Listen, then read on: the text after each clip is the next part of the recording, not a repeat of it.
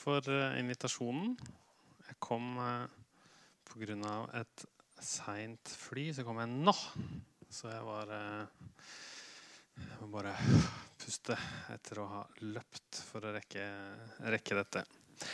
Men det gjorde jeg, så jeg er veldig glad for at dere kommer for å høre på. Jeg har altså skrevet denne, denne boka her, eh, 'Folket det er meg'. Eh, det er den eh, fjerde boka jeg har skrevet, og på en måte så eh, oppsummerer den en del temaer som jeg har skrevet om, tror jeg, i, i, i, alle bøkene som jeg har skrevet. Det hadde jeg ikke liksom tenkt på egentlig før, men, men det slo meg nå, særlig ut fra den første boka som jeg skrev om Silvio Berlusconi som jo på mange måter var en sånn foregangsfigur for iallfall en del av de høyrepopulistiske bevegelsene som har eh, herjet eh, Vesten de, eh, de siste årene. Han er kanskje aller klarest en slags sånn forløper for, for Donald Trump, med en sånn idé om en handlekraftig forretningsmann som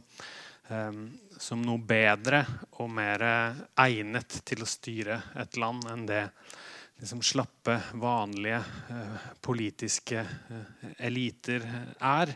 Men det fins en del andre, andre, paralleller også. Men det tenkte jeg ikke på da jeg begynte med dette, for den gangen var Berlusconi eh, borte. Siste nytt i dag i italienske aviser er lange intervju med ham når han skal stille eh, igjen i valget eh, til våren. Og i går var han på eh, TV med en av sine store favorittprogramledere, som er like gammel. Begge, to menn litt over 80 år som satt i går kveld og snakket om hvordan demokratiet kan fornyes med en, en fredelig revolusjon, som, som Berlusconi sa. Så det var på en måte både litt søtt og litt skremmende at det er det som er eh, måten demokratiet skal fornyes eh, i dag. Men han, i likhet med mange av de som jeg har skrevet om i denne boka, er jo forskjellige svar på en eller annen sånn uro, da, eller en følelse av at det er et eller annet i eh, det liberale, demokratiske systemet som ikke fungerer, eller som ikke svarer på velgernes forventninger. Um, og en sånn idé tror jeg også, som er grunnleggende for alle, alle disse bevegelsene, egentlig, om at eh, kompromisser på en eller annen måte eh, er en slags svakhet. Da, eller er noen ting som eh, minsker handlekraften, og som gjør at velgerne ikke får det de egentlig eh, vil ha. Eh, og der tror jeg både Berlusconi og Trump eh, har noen ting å si. Da, har et svar som kan, kan framstå som attraktivt. Eh, selv om det i både Berlusconis og Trumps tilfelle eh, enn så lenge stort sett er en illusjon, den handlekraften. Men disse, eh, eh, denne gjengen som jeg har skrevet om her, altså de, de eh, mer de yngre, særlig vesteuropeiske høyrepopulistene de har andre og litt mer, enda litt mer handlekraftige eh, svar kan vi si, eh, på de forskjellige utfordringene. Ideen til boka kom egentlig eh, etter en pressekonferanse i Roma for ganske mange år siden. Da lederen for Lega Nord, Matteo Salvini, hadde tatt over partiet. En gang var det et parti som først og fremst handlet om å løsrive Nord-Italia fra Sør-Italia. Eh, og snakke stygt om eh, late sicilianere. Eh, og, og, i ganske sånn aggressiv ordelag, egentlig. Det var snakk om at man egentlig burde klippe Italia over, litt over Roma omtrent. Sånn at sør kunne liksom drive ned mot Afrika, hvor det egentlig hør, hørte hjemme. Og så kunne Nord-Italia få lov til å uh, drive på med, med, innovativt næringsliv og, og sunn og ukorrupt eh, politikk. Men så raknet hele det partiet eh, pga. korrupsjon, eh, paradoksalt nok, og nepotisme. Og en far som eh, forsøkte å kompensere for at sønnen ifølge de fleste observatører var fullstendig uten talent. Eh, som han betalte noen forskjellige sånne falske utdannelser, og så investerte de i Kenya på noe mystisk vis. Og så forsvant iallfall det partiet.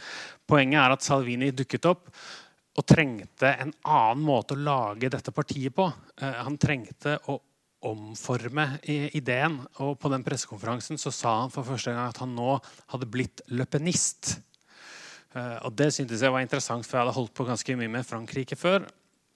Så jeg spurte han om hva han mente med det, og da eh, snakket han litt om hvorfor Marine Le Pen var blitt et forbilde for ham. Um, og det tenkte jeg at dette Her er det et eller annet. Um, og uh, så uh, intervjuet jeg Marine Le Pen over flere omganger og i flere uh, valgkamper. egentlig. Men etter et av de intervjuene så fortalte hennes eh, daværende eh, næreste utenrikspolitiske rådgivere at jeg måtte følge med eh, de nærmeste månedene. For det kom til å komme en, eh, en, stor hendelse, et europeisk samarbeid. Men han kunne ikke si noe mer om hva det skulle være. Men det er det andre utgangspunktet for boka. og det er et eh, stort møte som ble holdt i januar i år, så det er ikke så veldig lenge siden. Eh, i Koblenz i Tyskland. Og det var første gangen. Ehm, alle eh, disse eh, europeiske høyrepopulistiske partiene var samlet på den måten. Altså Gert Wilders fra Nederland, Matteo Salvini fra Lega Nord, Marine Le Pen, som var stjernen i forsamlingen fra Frankrike alle disse hadde på sett og vis jobbet litt sammen før, men det var første gang tyskerne fra Alternativ for Tyskland også var med. Så det var første gang man kunne presentere seg som en sånn europeisk storkoalisjon eh, på et eller annet eh, vis, da, nå som, nå som, Tyskland var med. Og det var en spesiell eh, stemning, fordi møtet ble holdt dagen etter at Trump hadde holdt sin innsettelsestale. Og som mange vil huske, så var det en ganske dyster i tonen, skrevet av en av disse eh, rådgiverne med størst sans for, for å bruke eh, eh, ja, litt sånne mørke, mørke metaforer. Eh, men for disse som var på dette møtet i Koblenz, så var Trump eh, starten på noe. Og det var liksom hovedpoenget. Eh, Trump var, i likhet med brexit-avstemningen, et symptom på at eh, eh, alt hadde endret seg i vestlig eh, politikk. Og det var jo da den grunntonen som gikk gjennom alle talene denne dagen. Alt skulle være som en slags dominospill der alle land skulle falle én etter én, for alle disse skulle jo ha valg. om ikke i år, så iallfall ganske, ganske snart. Og Det var også på den konferansen at Marine Le Pen sa noe hun hadde tenkt til å si lenge, tror jeg, men som virkelig fikk liksom, uh, gjennomslagskraft av den, den, formiddagen i Tyskland. At hun sa at den gamle verdenen uh, har uh, rast sammen, falt i grus. En ny verden er i ferd med å bli skapt. Og Det er egentlig det denne boken handler om. Da. Hva slags verden er det disse partiene vil skape? Um, og det uh, kan man tenke at det sier seg selv at det er det som må være uh, målet for en sånn bok om europeisk høyrepopulisme. Men um, det sier seg ikke helt selv, fordi inntrykket jeg satt igjen med etter diskusjonene i kjølvannet av brexit og i kjølvannet av, Trumps dramatiske seier, var Ehm, at dette først og fremst handlet om å finne fram til eh, velgere som ikke hadde blitt sett, og som ikke hadde blitt hørt. Um, og det tror jeg langt på vei uh, er uh, riktig. Jeg tror det stemmer i mange land, og jeg tror det stemmer at disse partiene uh, har pekt på en hel del reelle utfordringer, konkrete problemer virkelige dilemmaer som preger, eh, eh, som preger eh, valgkampene i, i, alle disse landene, på sett og vis. Men det man i for liten grad har brukt tida på, da, synes jeg, er å se eh, hva er det de står for utover å vise fram problemene. da? Hva slags eh, løsninger er det de kommer med? Så det er det ene. Og det andre er en idé om at jeg tror at det ikke går an å redusere de eh, høyrepopulistiske partiene med, som har hatt liksom, fornyet selvtillit og ny, ny, eh, ny, kraft de siste årene. Man kan ikke redusere dem til en gjeng med sånn høflige eh, stenografer som noterer ned folks bekymringer, og deretter former sin politikk ut fra det. Eh, fordi de er også i, i, veldig stor grad ideologiske aktører som har eh, en ganske klar plan om hva slags samfunn de har lyst til å skape. Hva slags ny verden eh, som trengs. Og den har i større eller mindre grad pågått i, i, i, i mange år i Frankrike helt siden slutten av, eh, av 60-tallet. Og det er et ideologisk grunnarbeid her da, som er gjort over lang tid, som handler om Eh, bøker som er skrevet, og eh, taler som er holdt, og tekster som eh, har fått betydning. Nå er jeg idéhistoriker, så jeg kan sikkert anklages for å ha i overkant stor tro på liksom, ideenes og ordenes eh, betydning eh, her i verden.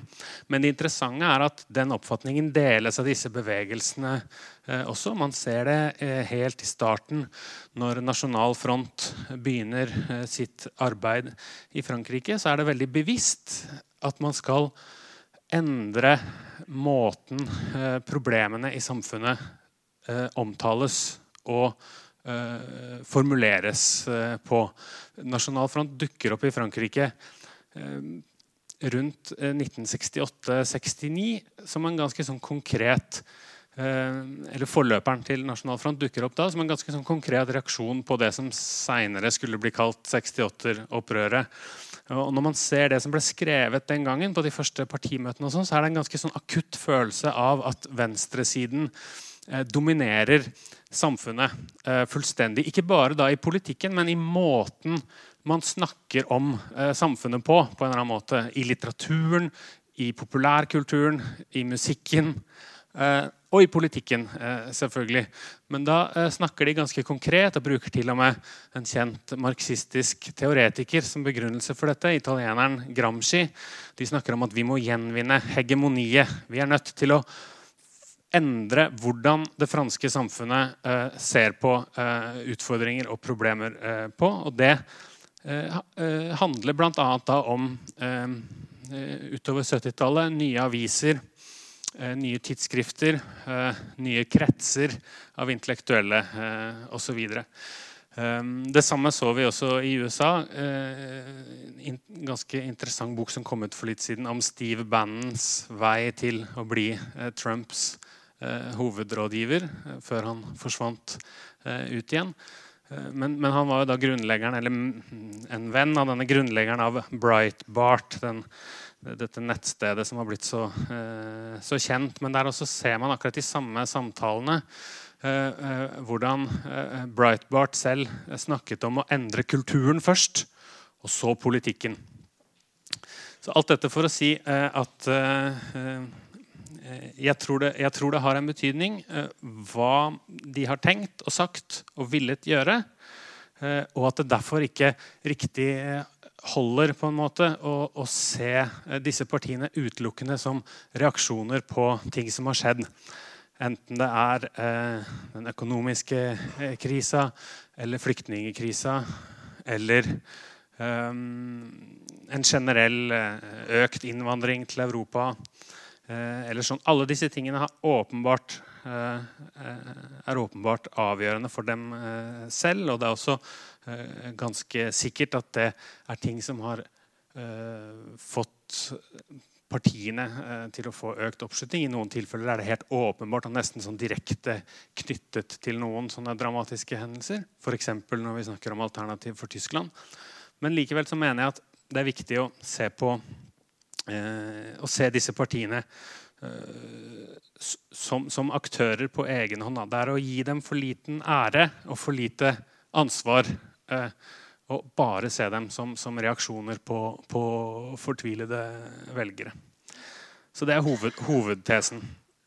Um, det er på en måte da en bok som er en, eh, også en slags reise gjennom mange europeiske land. Og så er det eh, en bok som spenner over ganske mange tiår med europeisk politisk eh, historie. Særlig når det kommer til, til, eh, til, Frankrike, men også en del av de andre landene. Så forsøker jeg å gå tilbake til, eh, til partienes røtter på et eller annet vis for å finne brudd og, og, sammenhenger.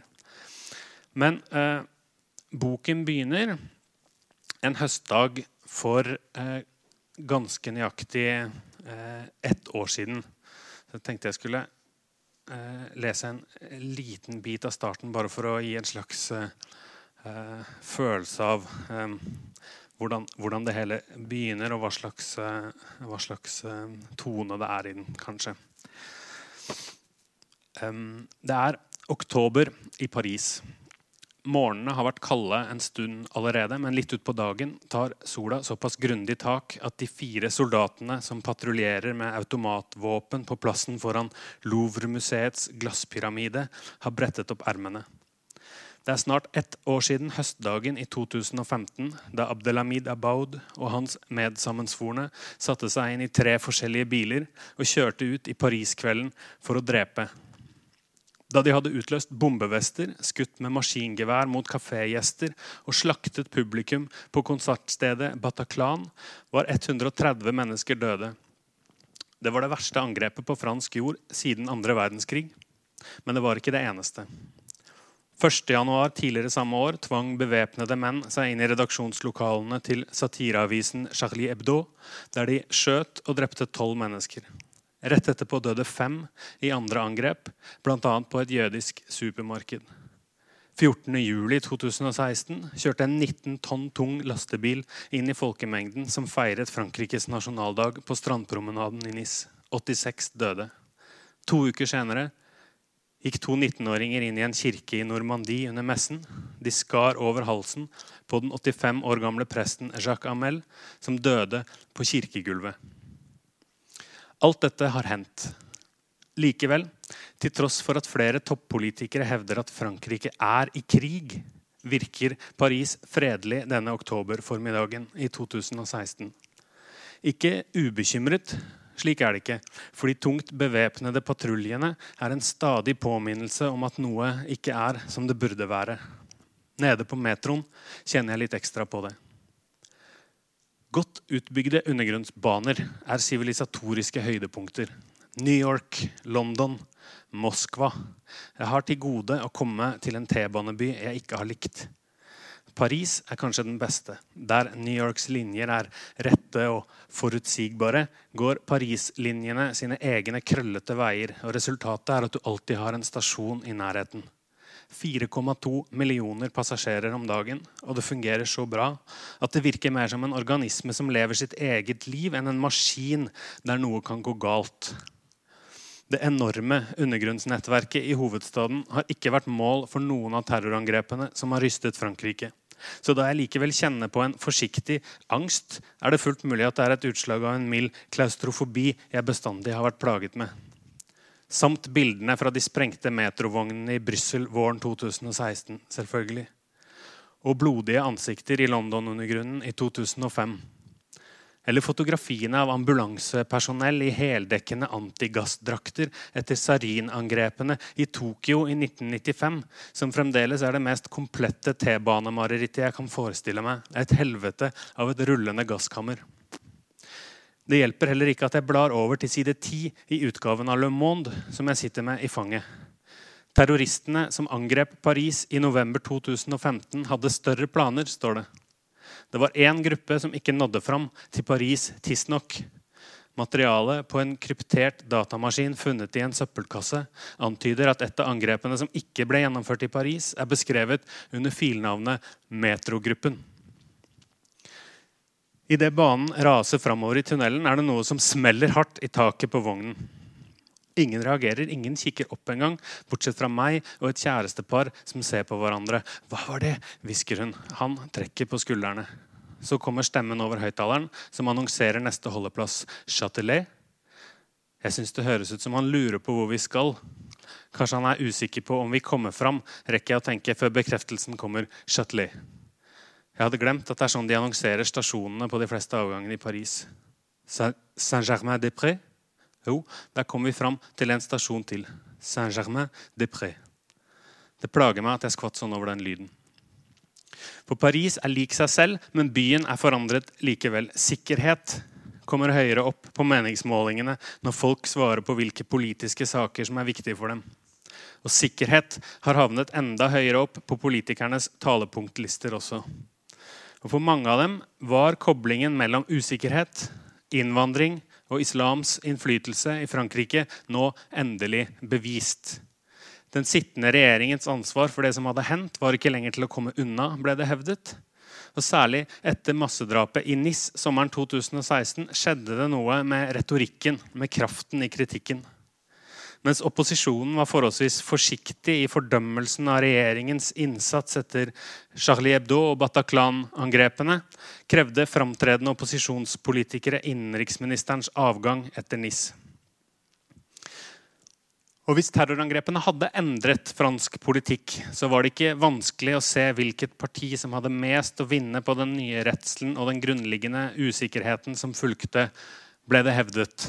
Mange som tidligere nølte med å stemme Nasjonal Front, vil, jo, vil gjøre det nå, som en kjent fransk samfunnsforsker sa rett etter angrepet i Nis.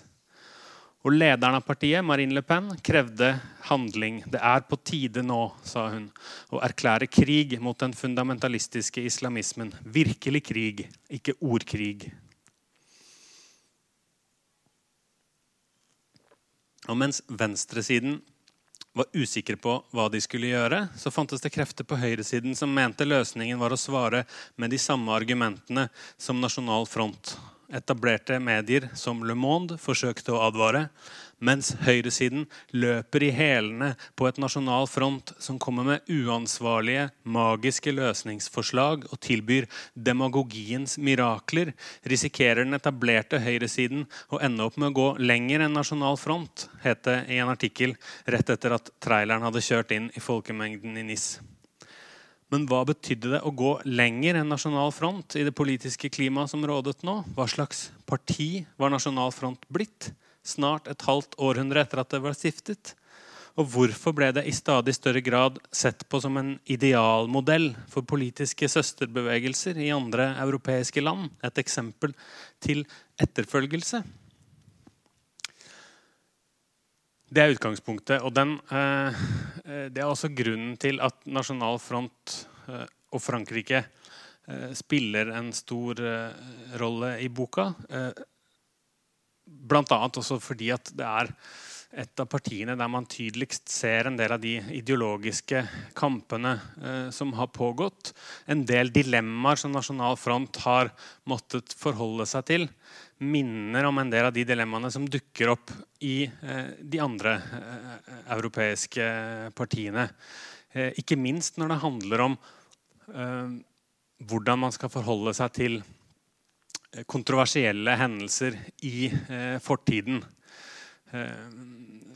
Som vi så i den tyske valgkampen nå, så var det et av stedene der partiet ble splittet. Først innad, og så senere også eh, reelt splittet alternativ for Tyskland.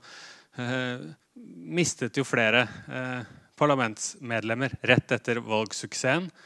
Der bl.a. hun som jeg har intervjuet i denne boka, eh, Frauke Petri, bestemte seg for å gå ut samme dag som de liksom skulle feire, feire eh, valgseieren. Og det, eh, en av årsakene til det var bl.a. uenighet om Eh, hvordan man skal snakke om uh, andre verdenskrig i Tyskland. Hvordan skal man snakke om holocaust-monumentet i Berlin? Hvordan skal man snakke om tyske soldaters innsats?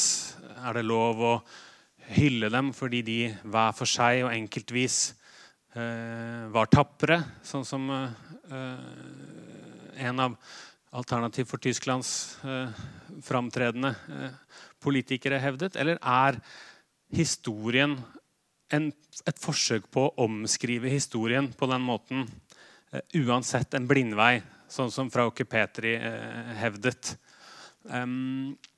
Det dilemmaet er jo på en måte det dilemmaet som har preget Nasjonal Front eh, helt eh, siden eh, starten, eh, på sett og vis. Eh, men det har jo særlig blitt da krystallisert i denne konflikten mellom far og datter, mellom Jean-Marie Le Pen og Marine Le Pen. Eh, og, den duellen som, som, har noe sånn episk Shakespeare-aktig over seg, Eh, den er en slags sånn rød eller mørkeblå eh, tråd gjennom, gjennom, denne boka. Dels fordi det er en ganske eh, interessant eh, personlig historie, men også fordi eh, den altså illustrerer en del dilemmaer for partier som har gått fra å bli karakterisert som høyreekstreme, som Nasjonal Front ble, til å være i denne sekkebetegnelsen høyrepopulistisk, som jeg da har eh, valgt eh, å bruke. Um, og eh, den andre grunnen altså, til at jeg skriver eh, om dette, er jo fordi at Marine Le Pens liksom, omdanning av partiet, eh, som er den som har gjort henne til en frontfigur i denne europeiske bevegelsen, Eh, handler om nettopp en sånn eh, eh, annet om det en plan om at det å være ekstrem, det å bli sett på som for ekstrem for å få være med i den politiske samtalen i Europa, sånn som Marine Le Pen så det, det handler om eh, andre verdenskrig i veldig stor grad. Altså Faren hennes ble både kjent og fryktet og beryktet på grunn, først og fremst pga av sine uttalelser om holocaust, som han eh, kalte en detalj i historien om, om andre verdenskrig. Eh, og det førte til en masse oppstyr. Han fikk forklart seg, han hadde noen begrunnelser for hvorfor han så det på den måten. Men hver gang, eh, med jevne eller ujevne mellomrom, eh, når han følte at han ikke var tilstrekkelig til stede i mediebildet, så trakk han det fram igjen. Fordi hans plan, eller hele hans prosjekt, handlet nettopp om provokasjonen som virkemiddel. Da. Provokasjonen som helt en helt nødvendig del av Nasjonal Fronts uh, berettigelse. Hele grunnen til å være et parti var også dette her. Uh, og, og, når Marine Le Pen i stedet så det helt omvendt, sa at dette er det som gjør at vi aldri kommer til å få makt, så uh, argumenterte faren for at det er ingen som vil ha et kjedelig nasjonal front, uh, sa han til, til, til uh, sin datter.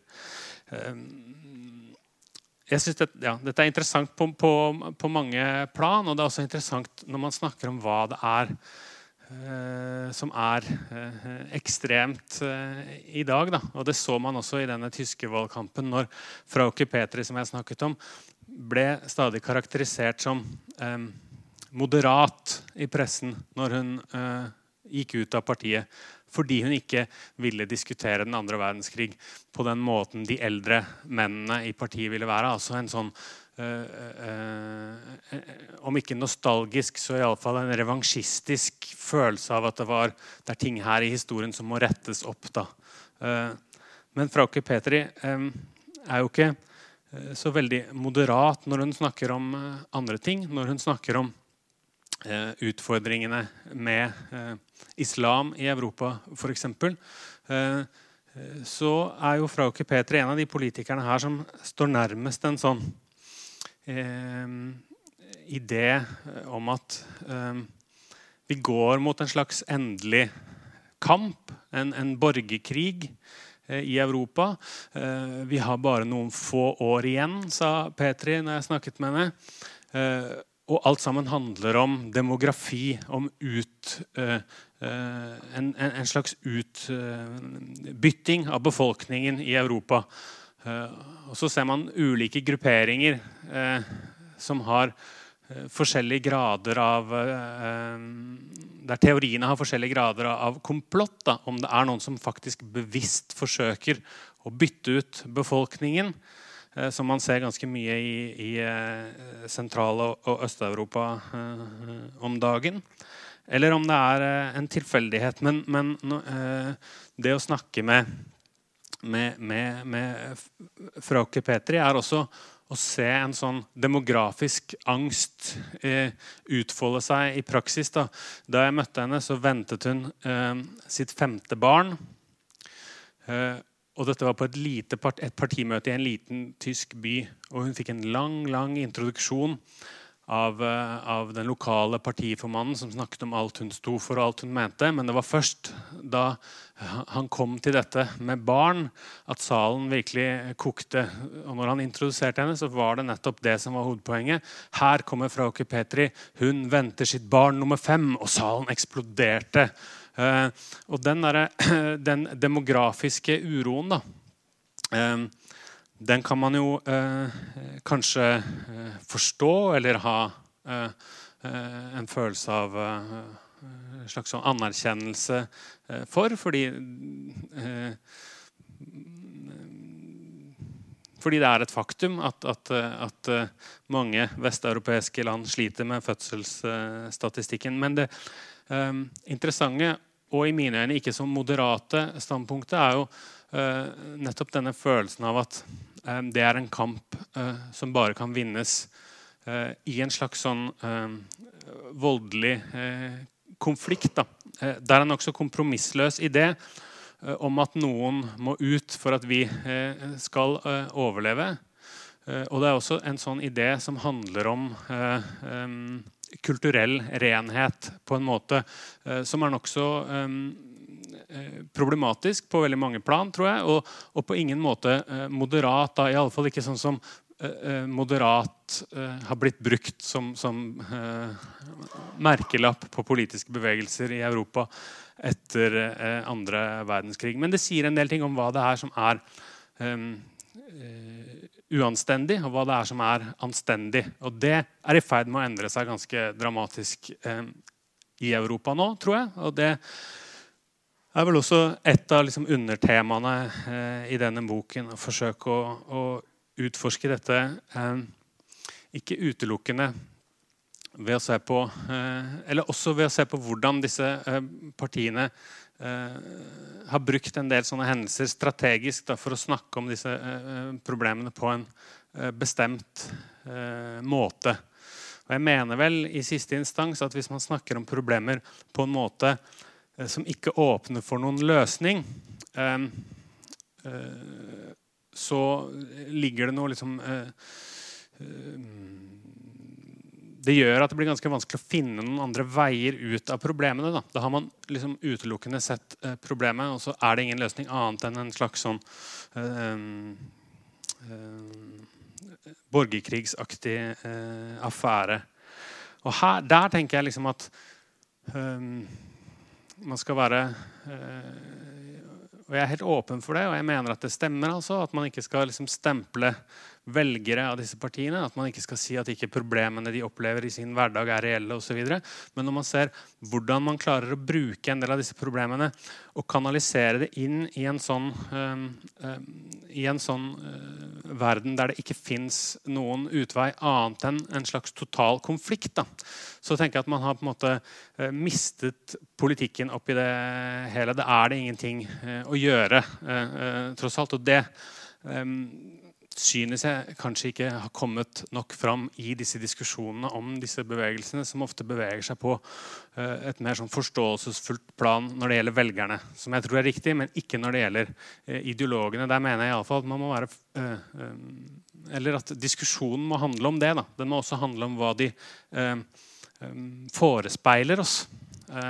og det syns jeg kanskje ikke har kommet godt nok fram, hvis man skal være hvis man skal eh, ha en slags eh, eh, valgappell her. Men, um, men dette er jo veldig forskjellige bevegelser også, som har veldig mange forskjellige kampsaker.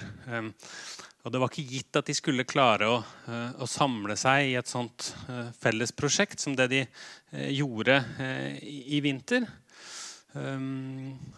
Det var jo naturligvis bra timing både med, med, med, brexit og Trump fordi det var en stemning eh, som tilsa at, at, alt kunne endres. ikke sant? Alt kunne eh, finne sted. Og Det var også et av hovedargumentene til disse partiene fram til eh, deres respektive valg i vår, og sommer og høst. At, eh, at alt kan skje nå. Sånn at alt som ekspertene har fortalt oss tidligere, trenger ikke å eh, stemme.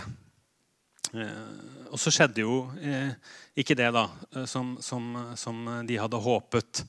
Eh, Gert Wilders eh, er ikke leder for det største partiet i Nederland. Marine Le Pen ble ikke president i Frankrike. Eh, men selv om EU-parlamentets president rett etter valget i Frankrike sa at nå er populismens vekstsesong over, så viste det seg jo ganske snart, da, både til dels i Tyskland og i Østerrike kanskje også, at dette Eh, jo ikke er sånne eh, eh, bevegelser som ble funnet opp i forgårs, og som forsvinner i morgen. så det er vel også en annen av liksom tesene i, i, i boka. At, at, nettopp fordi disse partiene representerer ideologiske strømninger som har vært til stede veldig lenge i Europa, så er det også partier som kommer til å være her. Disse partiene er en del av politiske, den politiske virkeligheten i Europa og kommer til å være det i eh, overskuelig eh, framtid, eh, tror jeg. Og det interessante eh, blir jo nettopp litt også da å ikke behandle dem hele tiden som protestbevegelser som dukker opp hver gang det er noen ting å protestere mot, helt konkret, men altså eh, bevegelser som har eh, lengre linjer og, Eh, og større planer på sett og vis enn en, eh, en som så. Eh, men det er interessante interessante figurer. Og man ser også veldig interessante skifter i måten de forholder seg til hverandre på. Da Marine Le Pen begynte å jobbe med denne ideen om at det var smart å ha en sånn felles europeisk koalisjon, eh, så handlet jo det også om at det var en mulighet som dukket opp eh, etter at hun eh, forsøkte å bli kvitt faren. For det hadde vært sånn i mange år i Europa at i alle fall sånn som Marine Le Pen forklarte meg det da en av gangene jeg intervjuet henne, og jeg tror hun har rett i det, at hun sa at Nasjonal Front har i så stor grad vært sett på som Eh, det skumle høyreekstreme partiet at bare det å si at man ikke Eller si Vi er jo ikke akkurat nasjonal front i Frankrike. da. Så, så, så, lenge man kunne si det, så man måte, hadde man på en måte ryggen eh, fri, mener eh, Marine Le Pen. Og det er iallfall eh, sant i den forstand at eh, at det stemmer at han, eh, Jean-Marie Le Pen ble sett på som en slags sånn djevelfigur. Han er blitt kalt republikkens djevel i, i Frankrike. Og, og, hele denne strategien til Marine Le Pen om å gjøre noe annet, den kalte hun avdjevling. Nettopp for å liksom bli kvitt, uh, bli kvitt dette, dette her. Men vi husker det fra Norge også, en av de første gangene, eller den ene gangen.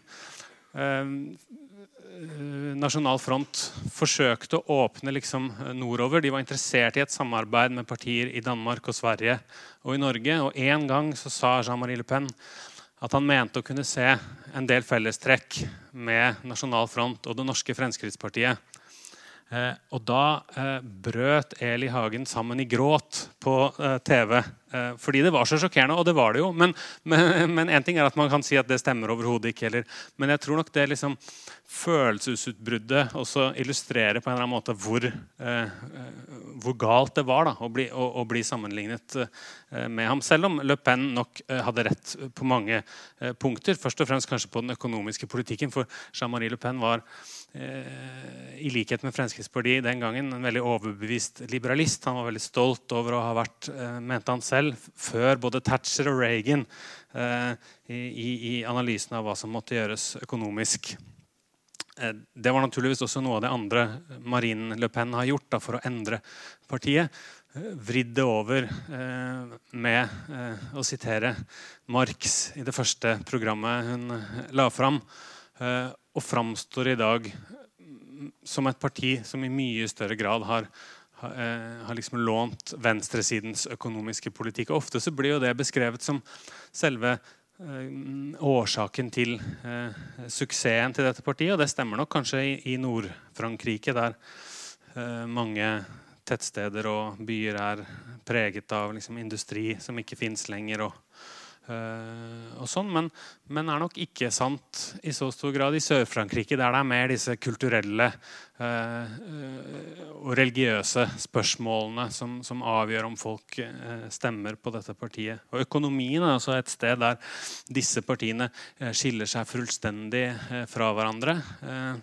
Gert Wilders i Nederland eksempel, er har vært nokså lite opptatt av økonomisk politikk. Og hvis han har vært det, så har det vært litt mer sånn mindre skatter, liksom, eh, generelt. Han er i veldig liten grad tiltrukket av denne ideen om å bli det nye Arbeiderpartiet. For ham er det først og fremst ett spørsmål som er avgjørende, og det er eh, islam. Og så kan man se Når man ser hans utvikling, så har det gått også fra å være eh, fra å være et enmannsparti, for det er det han leder, det er bare han som er partimedlem, Eh, eh, det gjør det jo veldig greit på sånne eh, partikongresser og landsmøter. Det blir også sagt at hvis man spør andre av hans de politikerne på hans liste om hva de mener om et spørsmål, så er nesten alltid det første svaret det starter med 'Gert har sagt' og så kommer man utledningen.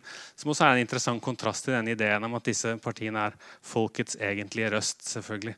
Men poenget, poenget var at han har i stedet da gått fra å ha en, en, en partiprofil som, som, handler om mange forskjellige spørsmål, eh, og en også ganske sånn åpen holdning til at eh, det er uh, at radikal islam er noe annet enn islam osv.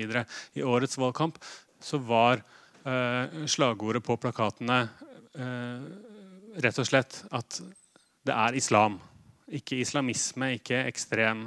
Det er religionen eh, islam. Og det har også ført til at han, at han har sammenlignet Koranen med Mein Kampf osv. Altså en ekstremt kompromissløs holdning til Eh, til islam, da, som de andre partiene eh, ikke deler. Altså, de deler den til en viss grad, men på ingen måte i så stor grad som, som, som Wilders. Og selv Petri, da jeg snakket med henne, hun måtte liksom eh, le litt og si vel, dette har jo blitt noe av en besettelse for Gert, dette med islam. Som en slags sånn blunk, blunk. Vi, vi, kan ikke bare snakke om, snakke om, det på den måten. Og, og Marine Le Pen kan jo på ingen måte gjøre det.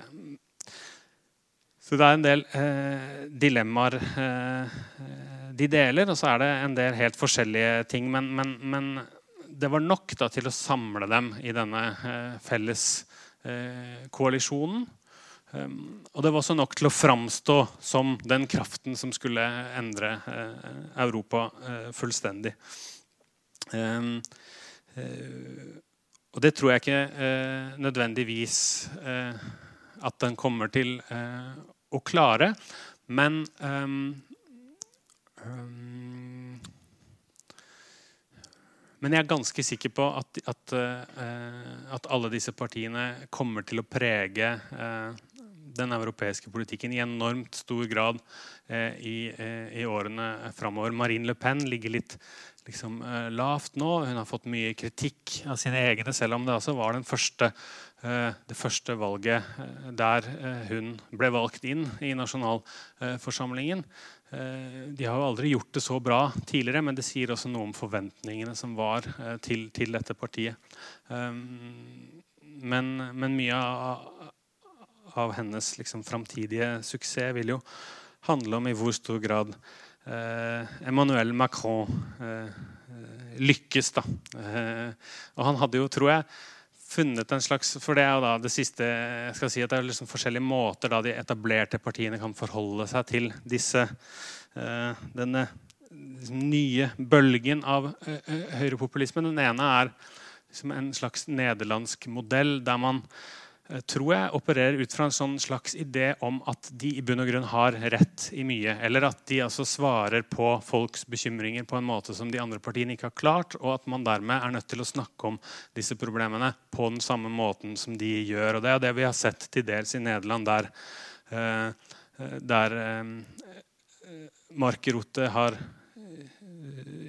snakket i veldig stor grad, i så stor grad som Gert Wilders, at, at han har blitt beskyldt for å uh, av, Wilders selv også, naturligvis, uh, for å liksom være en slags blek kopi. Da. Kanskje er det noe som vi så i, i Østerrike med den nye, unge uh, Kurt, som liksom bare er et par og 30 år gammel og stormet inn og, og, og gjorde et strålende valg. Og, der også til liksom frustrerte protester fra, fra det østerrikske frihetspartiet. Som prøver å si nei, nei, vent, dette er jo vi som sier dette tingene, det er jo vi, det er jo vår politikk. Og så tar man det opp i seg. Og Det kan jo fungere hvis man tenker at det er sånn. At uh, dette er på en måte, det ligger en slags sånn fornuft i det.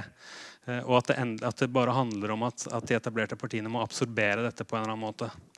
Det tror jeg bare stemmer hvis man tenker liksom begrenset på hva slags politikk disse tilbyr. Hvis man f.eks. tenker at alt dette egentlig bare handler om å ha litt mindre innvandring til Europa, så kan man kanskje tenke at det gir mening da, for de etablerte partiene.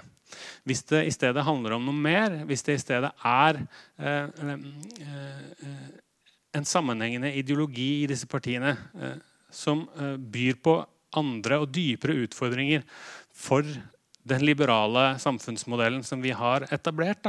F.eks. For eh, i forhold til synet på eh, maktfordelingen i samfunnet, i synet på pressen, i synet på rettsvesenet, der alle disse partiene jo, og alle de partilederne som jeg har snakket med, uttrykker sin eh, en voldsom beundring for en mann som Viktor Urban i Ungarn for eksempel, eller Vladimir Putin. Um, jeg tror ikke at det er noe man bare kan ta som tomme provokasjoner. Eh, Marine Le Pen også snakker ganske utførlig om det når jeg spør henne eh, om en sånn idé om demokrati der f.eks. Høyesterett på en måte i bunn og grunn er udemokratisk fordi det ikke er folkets røst, men rettsvesenets røst. Og Dette ligger jo under alle disse her, og derav også tittelen på boka. da, 'Folket, det er meg'. En sånn idé om at Eh, bevegelser som dette eh, har en annen og mer sånn troverdig måte å hente opp eh, hva folket egentlig mener, hva folket egentlig vil. som jeg tenker dels er nokså arrogant. Hvis man ser på valgresultatene ved parlamentariske valg, da, så, så, er det jo sjelden mer enn en 20% eh, maks. Så sånn sett litt sånn råflott å snakke om seg selv som, som folkets egentlige representant. Men i, i bunn så ligger det en annen idé som er mye mer utbredt enn det disse partiene, eh, partienes valgresultater er. Og det er en, en, en idé om demokratiet. Eh, Bl.a. preget av en sånn tanke om at direkte demokrati i enhver sammenheng er eh, renere og bedre og mer demokratisk eh, enn eh, en et parlamentarisk demokrati. Som jo reflekterer en slags sånn misnøye om følelse av avmakt i forhold til demokratiet i Europa nå, som jeg var inne på helt til å begynne med, men som jeg tror er en um, gal løsning da, som bidrar til uh, helt konkret polarisering av samfunnet, naturligvis, i og med at man bare kan svare ja eller nei på et spørsmål som kanskje iblant er mye mer komplekst, og som ikke nødvendigvis får sitt beste svar i bare et ja- og nei-spørsmål. Brexit eh, er kanskje eh, et godt eksempel på det, men på ingen måte det eneste eh, eksempelet. Og er det sånn at disse, sånn, at disse partiene representerer noe sånt, da, en annen idé om uh, demokratiet in, som nærmer seg det Viktor Urban kaller det illiberale demokratiet, så tror jeg utfordringen er mye mer eh, grunnleggende og mye mer alvorlig. Og ikke bare kan svares på ved å si vi må ha litt mindre innvandring eh, til Europa. Og Der syns jeg Macron hadde en interessant variant. Da. Han var jo mye mer aggressiv i forhold til en del av sine medpolitikere i Europa. Han sa veldig tydelig i valgkampen at Marine Le Pens politikk, Marine Le Pens ideer Eh, Marine Le Pens ideologi. Eh, dette er min fiende. Det er min plikt så lenge jeg mener at dette er galt, så er det min plikt å argumentere mot det så sterkt og hardt som jeg kan. Um, dels i europaspørsmålet, naturligvis, hvor han er en veldig sånn uh, åpen og ivrig tilhenger av europeisk samarbeid mot det som han oppfattet som en farlig nasjonalisme hos Marine Le Pen, men også i andre spørsmål. Um, valgkampstrategisk så tror jeg kanskje det fungerte bra. Det viste iallfall at det liksom uh, er mulig å ha en annen tilnærming enn en den høflige uh, varianten som, som, bare handler om ikke støte fra seg velgerne. Men det er klart, uh, igjen så koker det ned til om man klarer å levere noen ting som franskmennene blir fornøyd med. Da. Og det er jo på ingen måte gitt. Så dette er et spørsmål med fryktelig mange eh, problemer og fryktelig få gode og klare løsninger. Så Derfor blir det så spennende å følge med i årene som kommer. Og med det så avslutter jeg. Tusen takk for meg.